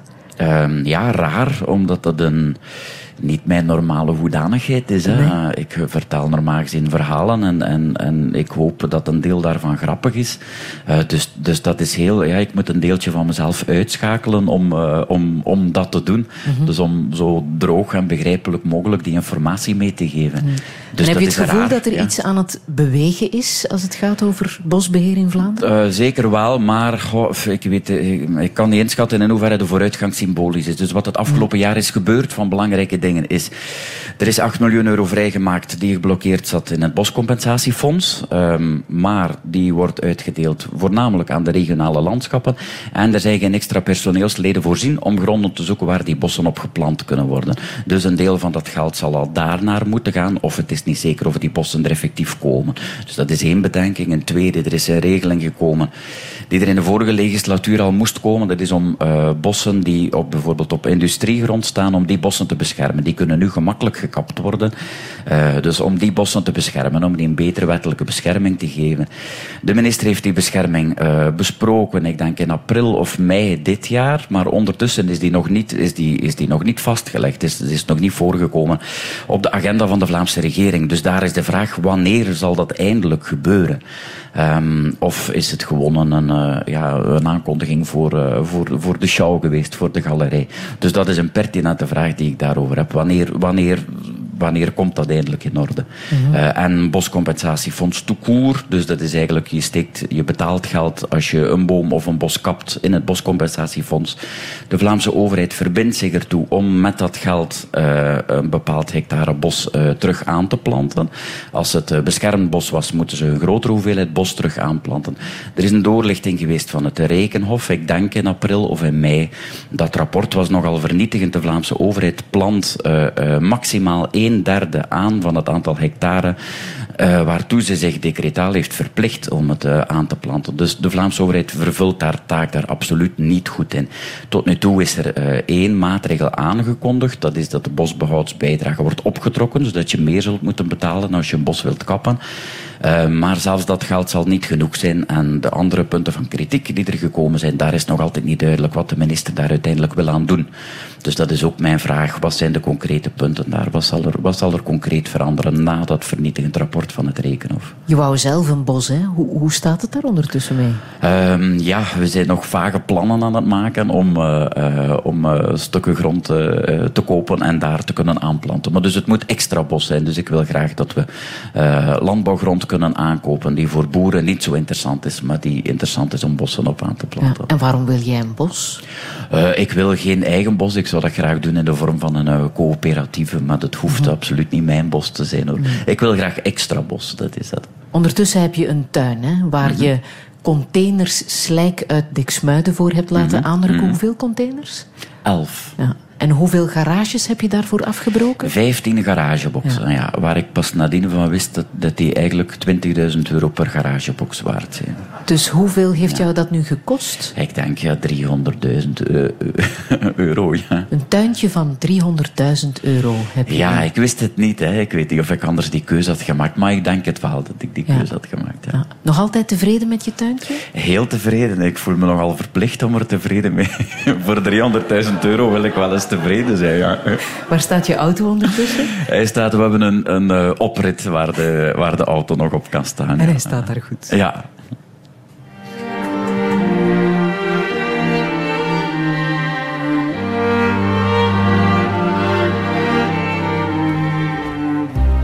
I was born to love no one, no one to love me. Only the wind in the long green grass, the frost in a broken tree. I was made to love magic, all its wonder to know. But you all lost that magic many, many, many years ago.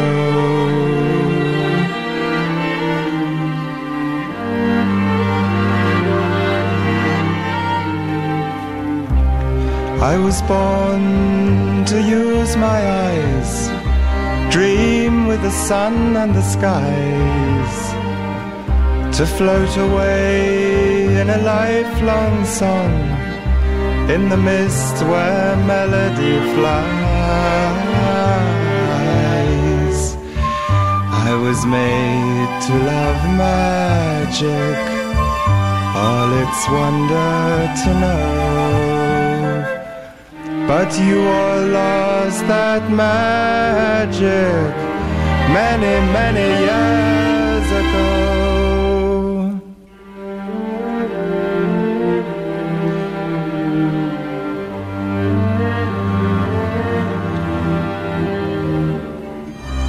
I was born to sail away into a land of forever, not to be tied to an old stone grave in your land of never.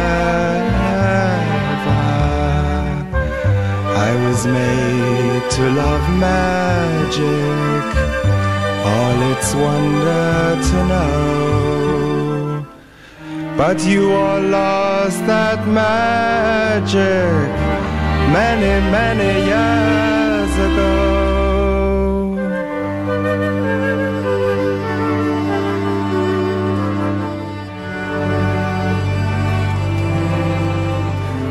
Dat bloedmooie nummer van Nick Drake, Magic, Wouter de Pre wou je absoluut laten horen. Hè? Waarom precies? Ja, omdat hij ehm, voor mij de totale rust eh, vertegenwoordigt en de totale schoonheid. het valt mij nu opnieuw op als ik het hoor. Het is even geleden dat ik het heb gehoord. Hoe...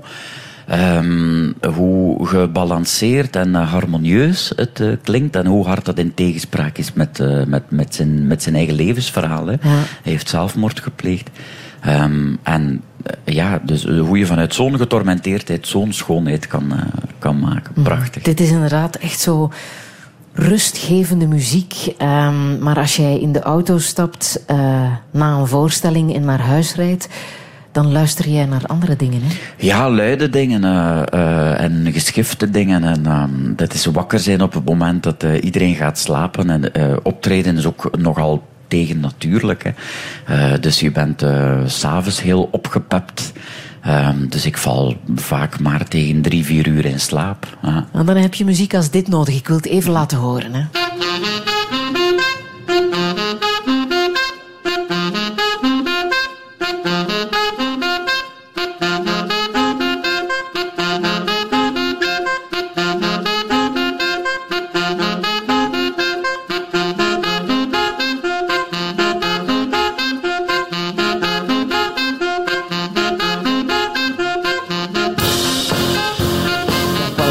Laten ontploffen ook, mm -hmm. want zo gaat het nu verder. Hè? Ja, ja. Daar blijf je wakker van in de wagen. Ja, uh, maar ik blijf sowieso wakker hoor. Het is eigenlijk een feest in, uh, in de wagen. en uh, dat is heel vreemd, omdat je, je geraakt door optreden in een soort kunstmatige roes eigenlijk. Hè. En dat blijft voortgaan. En het raarste, de, de vreemdste herinnering die ik daaraan heb, is met mijn, mijn auto was, was kapot. En ik had van mijn ouders als noodauto hun oude Opel Kadett uh, cadeau gekregen. En ik speelde een voorstelling met een grote spiegelbol die ik op mijn hoofd zette toen. Um, ja, ik kom van ver. Uh, en uh, die, en, uh, als ik vanuit Nederland terugkwam, ik speelde toen vaak in Nederland, en dan stond die grote spiegelbol stond in de koffer van die Opel Kadett. En dan luide muziek en dan de straatlampen die zo op, op die spiegelbol schenen. En dan was, dan was ik echt een rijdende feestauto. kan ik mij voorstellen. Wouter, we zitten op uh, de boekenbeurs en ik roep deze dagen de mensen op om te stemmen op de prachtige 80. Heb jij dat ook al gedaan? Ik heb uh, nog niet gestemd, maar ik ga dat vandaag doen. Ja, ja, je kan nog. Uh, het gaat over 80 boeken die gekozen zijn door de 100 boekhandelaars van ons land. Ehm, die hebben gekozen voor de boeken die ze altijd in hun boekwinkel willen hebben. Um, welk boek wil jij altijd in jouw boekwinkeltje hebben? Als je, ah, als ik je heb dat er zou een, hebben? Ja, ik heb er een altijd in mijn boekenkast. En als er uh, nog exemplaren van opduiken, dan koop ik ze om ze aan vrienden cadeau te kunnen geven. Mm -hmm. En uh, dat is het boek uh, Al te luide eenzaamheid van Bohumil Grabal. Dat is mijn all-time favorite. Ja. En waarom?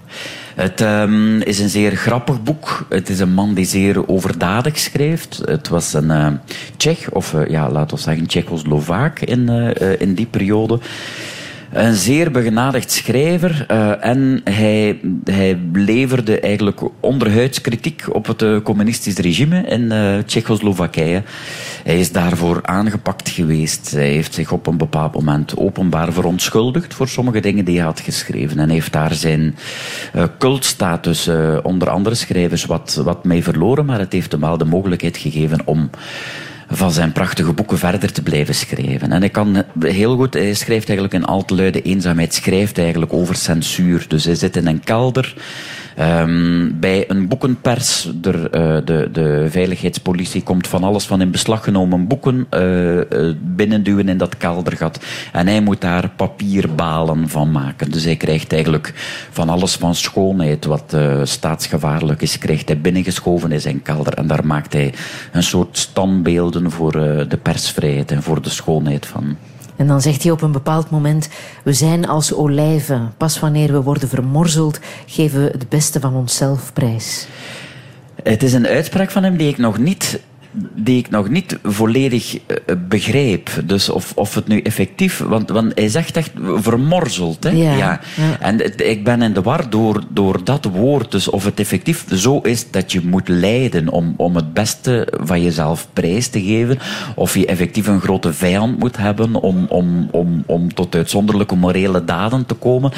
Ja, dat denk ik niet. Ik denk dat het ook kan zonder. En ik vrees dat uh, uitzonderlijke vijanden nu ook, ook uitzonderlijk lelijke dingen bij u kunnen uh, uh, laten bovenkomen. Dus ik weet het niet, er zit ook altijd, en dat begin ik pas de laatste jaren door te krijgen, er zit ook een, een heel grote zelftwijfel en, en misschien zelfs zelfhaat onder dat bedriegelijk uh, lichte oppervlak van. maar herken je niet iets van jezelf op dit moment in je leven?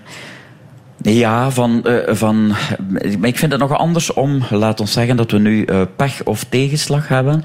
Dat is nog iets anders dan daar een morele positie tegenover moeten bepalen. Als, als de nazi's beste, terug binnenvallen ja. en je moet beslissen of je bij het verzet gaat of niet, dat, dat valt misschien onder dat vermorzelen. Mm -hmm. En um, pech of tegenslag is, ja, daar, daar hoef je geen morele positie tegen. Je kunt wel kiezen hoe, hoe hoeveel extra drama je toevoegt aan pech of tegenslag. Dat wel. Dus daarin, daarin zit er een verwantschap in. Maar het zijn neefjes van elkaar, vind ik. Ja, maar zowel bij je gevecht voor meer bos en meer bosbeheer, beter bosbeheer in Vlaanderen, als bij de kanker waar jullie thuis nu tegen aan het vechten zijn, voel je niet dat je nu het beste uit jezelf moet persen om dat gevecht aan te gaan? Uh, ja, bij die, bij die kanker zeker. Het zijn wel heel, heel verschillende dingen. Hè. Uh-huh. Uh, maar ja, bij, bij die kanker zeker. Ja, ja.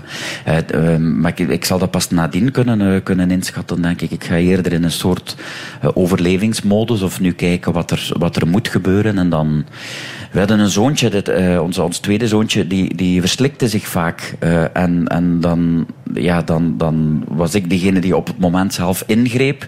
Dus kijken om, uh, om wat hij had zitten in, in, in zijn luchtpijpen, waardoor hij dreigde te stikken, dat hij er niet uitgehoest kreeg. Dus kijken wat je moet doen om dat eruit te krijgen. En, en dan ben ik rustig. En nadien, als hij gered was, dan, dan trok plots, dan zakte mijn bloeddruk en werd ik helemaal bleek. Misschien zal dat ook zo zijn met deze situatie, ik mhm. weet het niet. Je leest voor, hè? Uit je mhm. boekje tijdens die voorstelling. Ja, we zitten hier met een publiek in eh, de spiegeltent. Je voelt me al komen. Zou mhm. jij een stukje willen voorlezen zeer uit, graag, uit de voorstelling? Ja, zeer graag. Behoeft het een inleiding of, of um, kan je er zo een aan kleine, beginnen? kleine inleiding begeven, maar ik ga ze misschien al in die microfoon geven. Ik neem dan even deze microfoon van jou over en dan kan je naar de echte voorleesmicrofoon lees voor over een uh, periode in onze tijd toen we hem net hadden.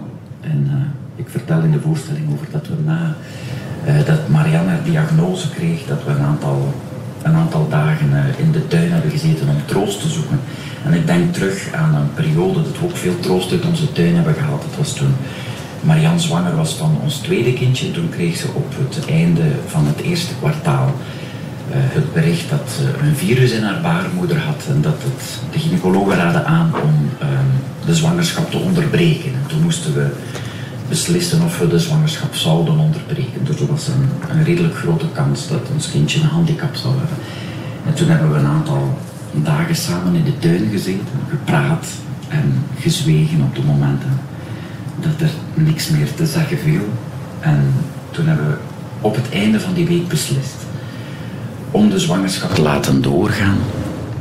En toen ons kindje was geboren, was het, was het spannend, omdat hij ook dat virus in zijn lichaam had. En er was een grote kans dat hij een groeiachterstand zou hebben. En het was een heel klein en fijn kindje, dus het waren spannende maanden. Het was die periode van het jaar waarin je de pompoenen kunt zien groeien als je een beetje oplet en heel even blijft staan. Wij hadden van die pompoenen in ons eerste oogstjaar. En je kon ze zien groeien, hoewel we er niet vaak naar keken, omdat we ook een kleintje hadden dat jaar. Ons tweede kleintje.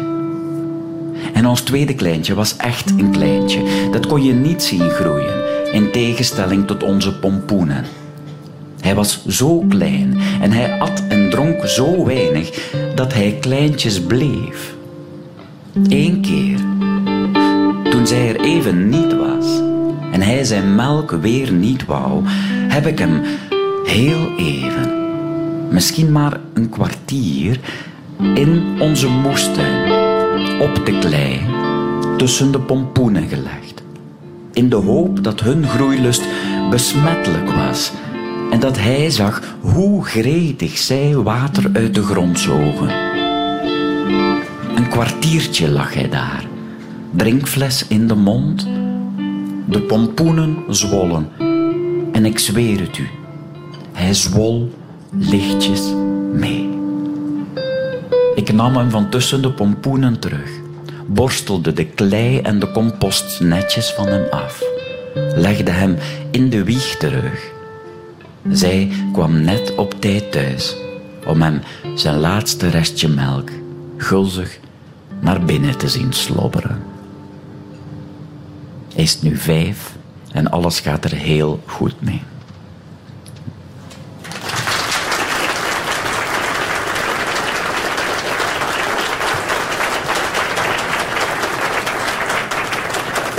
Wouter de Pre met een uh, stukje die prachtige voorleesvoorstelling Bloemen, bijen en borstbollen. Uh, Wouter, um, wat wil hij later worden, die kleine Otis? Um, ik ben aan het denken. Wat, ik denk vuilnisman. Als, als het nu uit zijn, uit zijn gedrag, nu vuilnisman.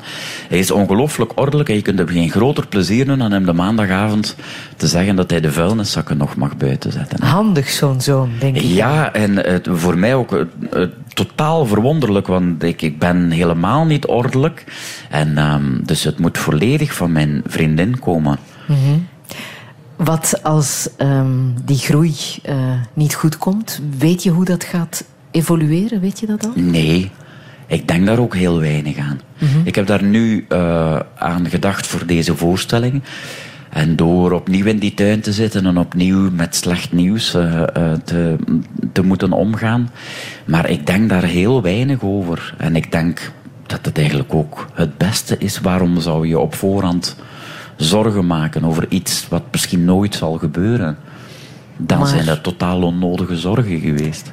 Maar de gynaecologe maakte zich wel zorgen, want die mm -hmm. heeft jullie uh, verwittigd, gewaarschuwd, de vraag ja. gesteld zelfs. Ja. Uh, ja. Moeten we er een einde aan maken aan de zwangerschap of niet? Ja, ja. Ze heeft eigenlijk het advies gegeven om er een einde aan te maken aan de zwangerschap. Mm -hmm. um, en dan gezegd dat wij natuurlijk het beslissingsrecht hadden. Um, maar we, zijn, waren er toen natuurlijk heel hard van geschrokken. En we hebben extra informatie ingewonnen. En de kans dat, dat hij een handicap zou hebben was niet zo groot als, uh, als we de indruk kregen van, van, van, vanuit wat, wat de gynaecoloog ons toen had verteld. Eigenlijk was er een, een kans van 15 procent um, dat hij een groeiachterstand zou hebben of doof of blind zou worden. Dat is natuurlijk nog altijd heel veel, maar uit, uit het verhaal toen van de gynaecoloog leek het alsof er een grotere kans was. Dus ik heb ja. toen rondgebaald en ook zelf dingen opgezocht en om een betere basis te hebben om te beslissen. Ja. En wat vond je daarvan dat er bij 15% kans wordt geadviseerd om een abortus te doen? Goh, ik denk dat het niet verstandig is om, om dat te doen. Ik begrijp van waaruit het komt. Dus als ik het goed begrijp, werkt geneeskunde zo. Um, heb je een bepaald moment, wordt een nieuwe oorzaak van kindersterfte gevonden of van handicap. Nou gaat een tijd lang gaat alles die richting uit. Dus wordt geprobeerd om de, de, de cijfers van kindersterfte en van handicap bij kinderen nog naar beneden te krijgen, wat ik heel goed begrijp. Uh, en na een tijd zwakt dat een beetje af. Zie je eigenlijk dat, we hebben ze vastgesteld dat ze op die manier ook heel veel gezonde kinderen uh, niet ter wereld hadden laten komen. En ik denk dat onze gynaecoloog toen uh, niet helemaal mee was met, uh, met die beslissing. En ik denk ook, daar heeft ze, we hebben het daar nadien ook over gehad, dat ik vond dat, dat het niet het juiste advies was om, om te geven. En dat het niet is wat andere dokters ondertussen aan, aanbevolen. aanbevolen ja. Um, en um, uh, ja, ik, ik, denk dat dat bij haar kwam vanuit... Ze heeft ooit een koppel niet geadviseerd om de zwangerschap te onderbreken. En daar is een kindje met een zware handicap uit voortgekomen. En dat is voor die ouders een hele zware slag geweest. Mm -hmm. uh, dus ik denk dat het van daaruit komt, vanuit een individuele situatie... waar mm -hmm. iets haar heel kwalijk genomen is. Ja. Maar moeten we streven naar een perfecte maatschappij met perfecte mensen? Nee, maar ik weet ook niet wat je in zo'n situatie moet, moet doen hoor. Je zult nooit, een dokter moet op dat moment sowieso een ongelooflijk moeilijk advies geven. En, en het feit dat dat advies moeilijk zal zijn, eh, los van het feit of je nu adviseert om de zwangerschap te onderbreken of niet, het feit dat het moeilijk zal zijn, dat zul je er nooit uit krijgen. Wat je ook adviseert. Je kunt wel met allemaal dokters samen bespreken wat de normale gang van zaken is om te adviseren. Um, maar in het leven zitten nu eenmaal ook ongelooflijk moeilijke dingen en ongelooflijk moeilijke momenten en moeilijke beslissingen. Mm. Dus een, een, een pijnloos leven of een leven zonder lijden en moeilijke beslissingen, ja, dat bestaat in mijn ervaring niet. Wat dus voor... het is onnozel om dat te eisen, want daar maak je jezelf ongelukkig mee. Wat voor papa ben jij? Oh, dat zou je aan mijn kinderen dan moeten vragen. Ehm, als ik hun verhalen daarover hoor, of tenminste wat ze rechtstreeks aan mij zeggen, dan verschilt dat heel hard. Soms vinden ze dat ik altijd kwaad ben op hen. Soms uh, vragen ze dingen aan mij omdat ik nooit streng kan zijn op hen. Um, dus het hangt heel hard van, van de situatie af. Uh, ik probeer een aanwezige vader te zijn, er veel te zijn. Um, ja, ik probeer streng te zijn op momenten. Dat, ik vind het heel, heel vreemd om mezelf hier een soort rapport daarover te, daarover te geven. Ja. En hoe gaan ze ermee om met het feit dat hun mama kanker heeft? Uh, goed, eigenlijk. We hebben van in het begin uh, beslist om een beetje met scha schande eerst merken van als het bij ons thuis wel, uh, wel even dramatisch was, dat het voor hen ongelooflijk verontrustend is. Uh, ze zijn vijf en acht nu. Dus ze kunnen daar nog zeer, nog zeer weinig in, in kaderen of relativeren natuurlijk. Dus dan hebben we beslist om het voor hen zo rustig mogelijk te maken. Um, ik vertel hen veel, Marianne eigenlijk ook. Marianne neemt hen ook nooit iets kwalijk als ze er vragen over stellen of als ze er dingen over zeggen die een volwassene beledigend zou kunnen vinden. Um, en dat ontmijnt de situatie voor hen heel hard, uh, denk ik. En dat eerste gesprek, hoe heb je dat gedaan? Um, ja, daar moet ik al heel hard aan terugdenken. Hoe dat ik, ik heb hen apart genomen en stukjes verteld. Dus verteld dat, um, dat Marianne geopereerd zou, zou moeten worden. Je moet zo'n verhaal in stukjes vertellen aan kinderen, omdat het voor hen anders een veel te grote berg wordt om, om over te kunnen kijken. Het is voor jezelf ook goed om dat in stukjes te beleven en mee te maken. Um, en ja, bij de jongste heeft het, dit is een, een, een leeftijd waarop ze nog heel weinig tijdsbesef hebben. Dus zeggen, uh, laat ons zeggen dat, dat je eigenlijk na een operatie en, en, met een chemo en bestraling, dat je eigenlijk een, een, jaar nodig hebt om fysiek helemaal gerevalideerd te zijn. Dat heeft geen zin om dat aan, aan, aan een kind van vijf te vertellen. Dus kleine stukjes daarin vertellen en zeggen van deze week zal het zo zijn. En dat snappen ze heel snel, dus ont, ontwikkelen heel snel een radar. Ze vonden het ook wel gezellig dat er een bedje stond beneden in, in de woonkamer en dat er veel mensen op bezoek kwamen en dat de regels ook wat minder streng waren. En. Marianne is strenger voor snoep en, uh, en frisdrank dan ik ben. Dus uh, ze moesten vaker bij mij terecht voor beslissingen, dus dat was handig meegenomen. Bestaan er eigenlijk boekjes, kinderboekjes over kanker? Ja, ja er bestaan ja? goede. De um, Grote Boom is ziek. De auteur ontsnapt mij nu even, is een, een, een, vrouw die zelf borstkanker heeft gehad. En die merkte hoe moeilijk het soms was om, om aan haar kind of kinderen uit te leggen. Die hielp heel hard, maar ook heel, dat is meer via een metafoor spreken over, over wat kanker is en dat proberen uitleggen. Uh, maar ook, je hebt uh, Radio Robbie en Chemo Casper. Dat zijn twee, twee kleine boekjes. En dat, dat legt uit wat chemo is. Uh, dat legt uit wat bestraling is. In een soort superheldenversie. En dat lazen ze heel graag. Um, dus soms zaten wij, en dit zijn dan zo'n absurde situaties. Dus soms zat Marianne na een chemo dan het boekje Chemo Casper nog maar eens, nog voor, maar te eens voor te lezen. En vonden de jongens het fantastisch om dan te vragen: is dit dan nu allemaal bezig in je lichaam? Zijn die de slagtrekken aan het proberen wegkrijgen? Um, maar op een bepaalde manier is het ook ja, heel troostend dat het een houvast geeft en dat je ziet dat het, het voor hen uh, behap, uh, behapbaar maakt. Mm. En, maar onze oudste heeft wel in het begin, had had hij af en toe echt zo'n grote ja, een, een, uh, een grote... Ik moet nu even slikken als, als ik eraan -hmm. terugdenk. Hij had af en toe een grote triestheid in het, uh, in het begin. En... Um, uh, ja, dan, dan, dan, had hij dat in, in, dan kon het zijn dat hij in de klas was beginnen huilen. En dan, dan, ik, ik haalde hem één keer op in, uh, in de klas. En die kinderen zijn onder elkaar, zijn die er ook. Die beginnen dan te troosten en de juf legt dan uit wat er aan de hand is. Dus die, die weten wel hoe ze daarmee moeten omgaan. En uh, ik schrik op het moment dat ik hem ga ophalen. Zegt, zegt een meisje van zijn klas van ja, Joshua heeft moeten huilen in de klas vandaag.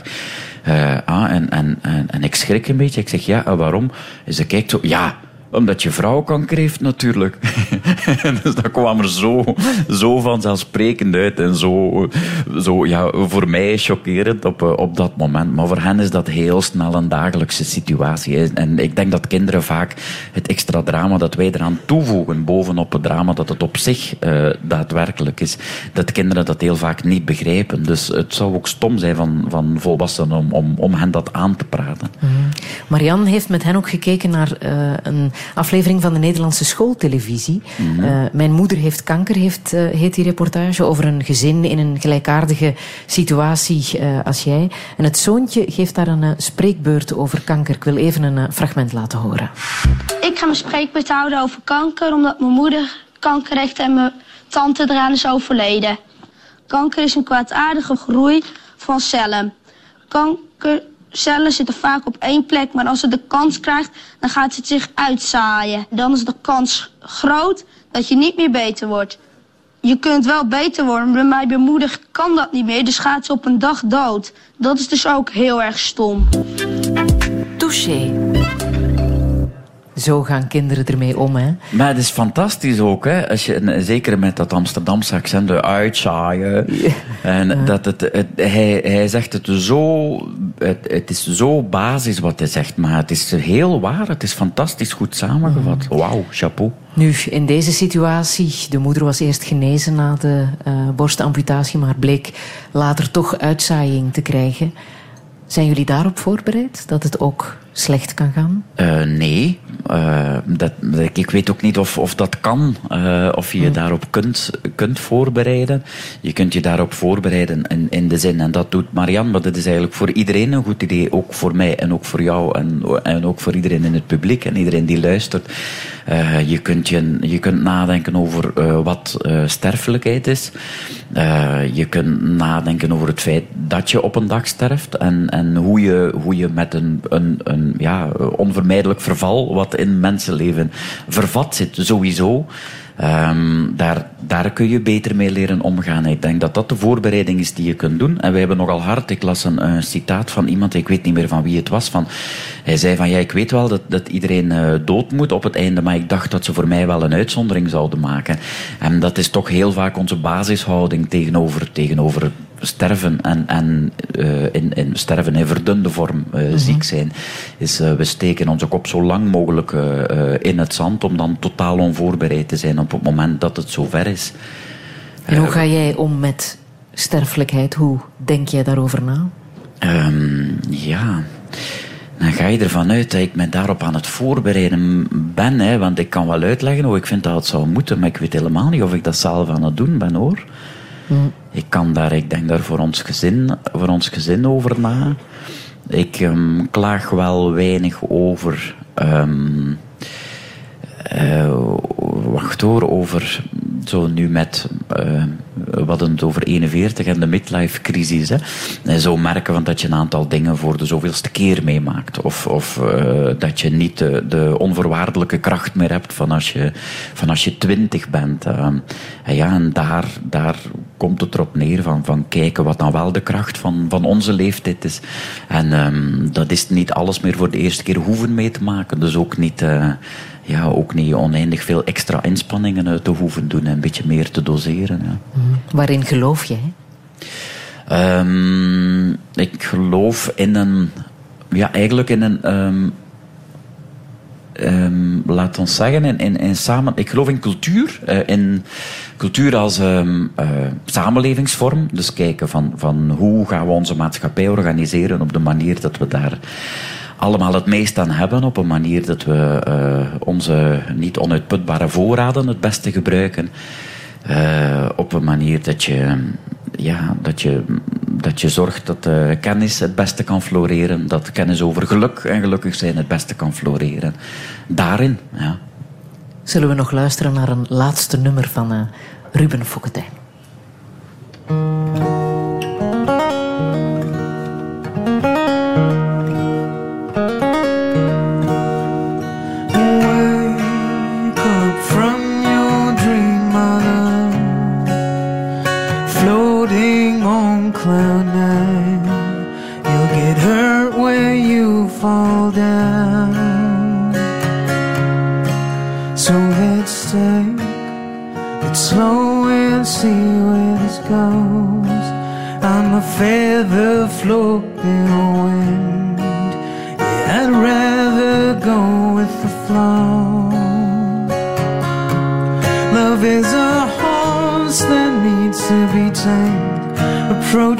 Slowly or chase it away. And I'm not saying that we'll never look up somehow. Love is the finest bottle of wine. It tastes better over time. So why do we rush into things? Let's take it slow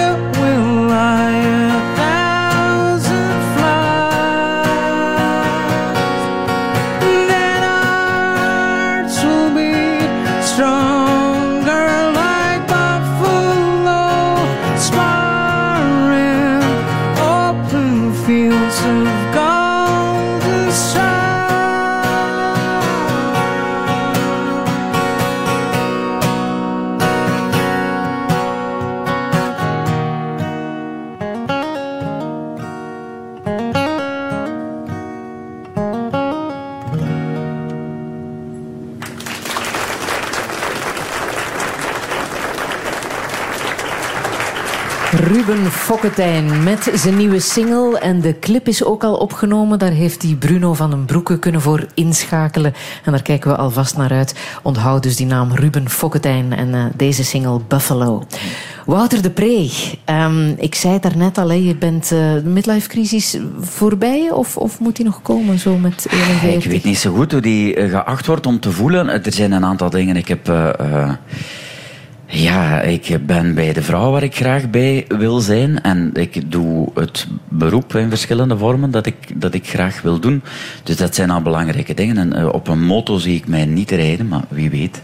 Een, een zwemvijver graven. Als dat is ook zwemvijvergraaf, zoiets. ja, dat zou kunnen. Ja, ja, ja. dat, dat zou nog kunnen. Dat, zou nog net kunnen. op, ja. Ja. Welke boodschap zou je hier nog willen meegeven, Wouter? Phew, ehm, dat, ehm, goh, daar, daar voel ik nu plots een grote koudwatervrees. Om een, ehm, ik denk dan al snel van wie ben ik eigenlijk om, om een boodschap mee te geven. Ehm, kun je me zo een, een idee geven van in welke richting het zou kunnen gaan, Friedel? God, met alles wat je nu meemaakt. Dat je denkt, dat wil ik toch. Daarom verstel- vertel ik ook dit verhaal. Daarom Ah. vertel ik deze voorstelling. Ehm, ja, bij deze voorstelling gaat het over. Ah, mag ik antwoorden met een, met een eh, andere voorstelling? Met de voorstelling van Peter de Graaf. Ehm, zoals de dingen gaan. uh, heette die voorstelling. En hij keert op het einde van de voorstelling. Het gaat over een uh, man die nogal veel nodig heeft om tot een inzicht te komen. En op het einde van de voorstelling zegt hij na alle lijden dat hij heeft meegemaakt. Hij draait zich nog heel even om en hij zegt. Um, hij zegt eigenlijk is het allerbelangrijkste, en is eigenlijk het enige waar het om draait, dat is graag zien. En dan stapt hij af. Dat is ook jouw boodschap. Um, ja. en weerbaarheid hebben tegen tegenslag? Ja, er dat niet van zeker, uitgaan ja. dat het leven alleen maar geluk is? Ja, dat is gewoon een tragisch misverstand. Uh, uh, dat, dat voor ongeveer niemand klopt, uh, denk ik. Mm -hmm. ik denk dat je nog altijd een zondagskind kunt zijn met tegenslag ook. Dat dat, dat perfect mogelijk is. En dat hoort bij het leven, hè? Ja, ik denk het wel, ja. ja. ja. Wat voor reacties krijg je zo na de voorstelling? Uh, hele warme reacties. Er komen he heel veel mensen verhalen vertellen. Er zijn mensen die, uh, die ons komen omhelzen. Dat is in de meeste gevallen ook zeer aangenaam.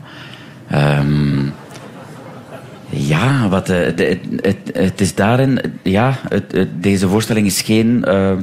geen metafoor, het is heel, heel rechtdoor, heel rechtstreeks. Ik ben absoluut niet gewoon om dat zo te doen, maar de ervaringen ermee zijn fantastisch. Wouter de Pre, ik wil je ongelooflijk bedanken voor dit gesprek. Ook Ruben Fokketijn voor de fantastische muziek.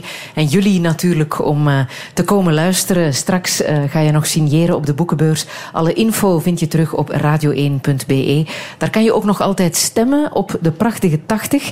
En je kan je ook inschrijven voor de ontknoping van die prachtige 80. Want dat gebeurt hier in deze spiegeltent op de boekenbeurs. En dat is op vrijdag 11 november, net voor sluitingstijd.